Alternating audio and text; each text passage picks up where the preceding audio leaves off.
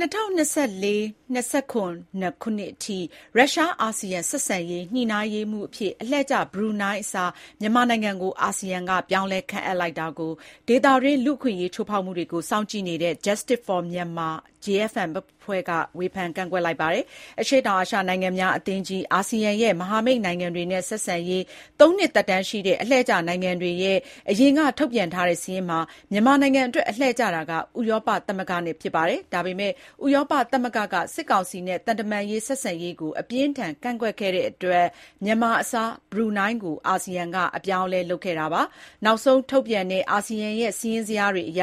ရုရှားနဲ့ ဆက်ဆံရေး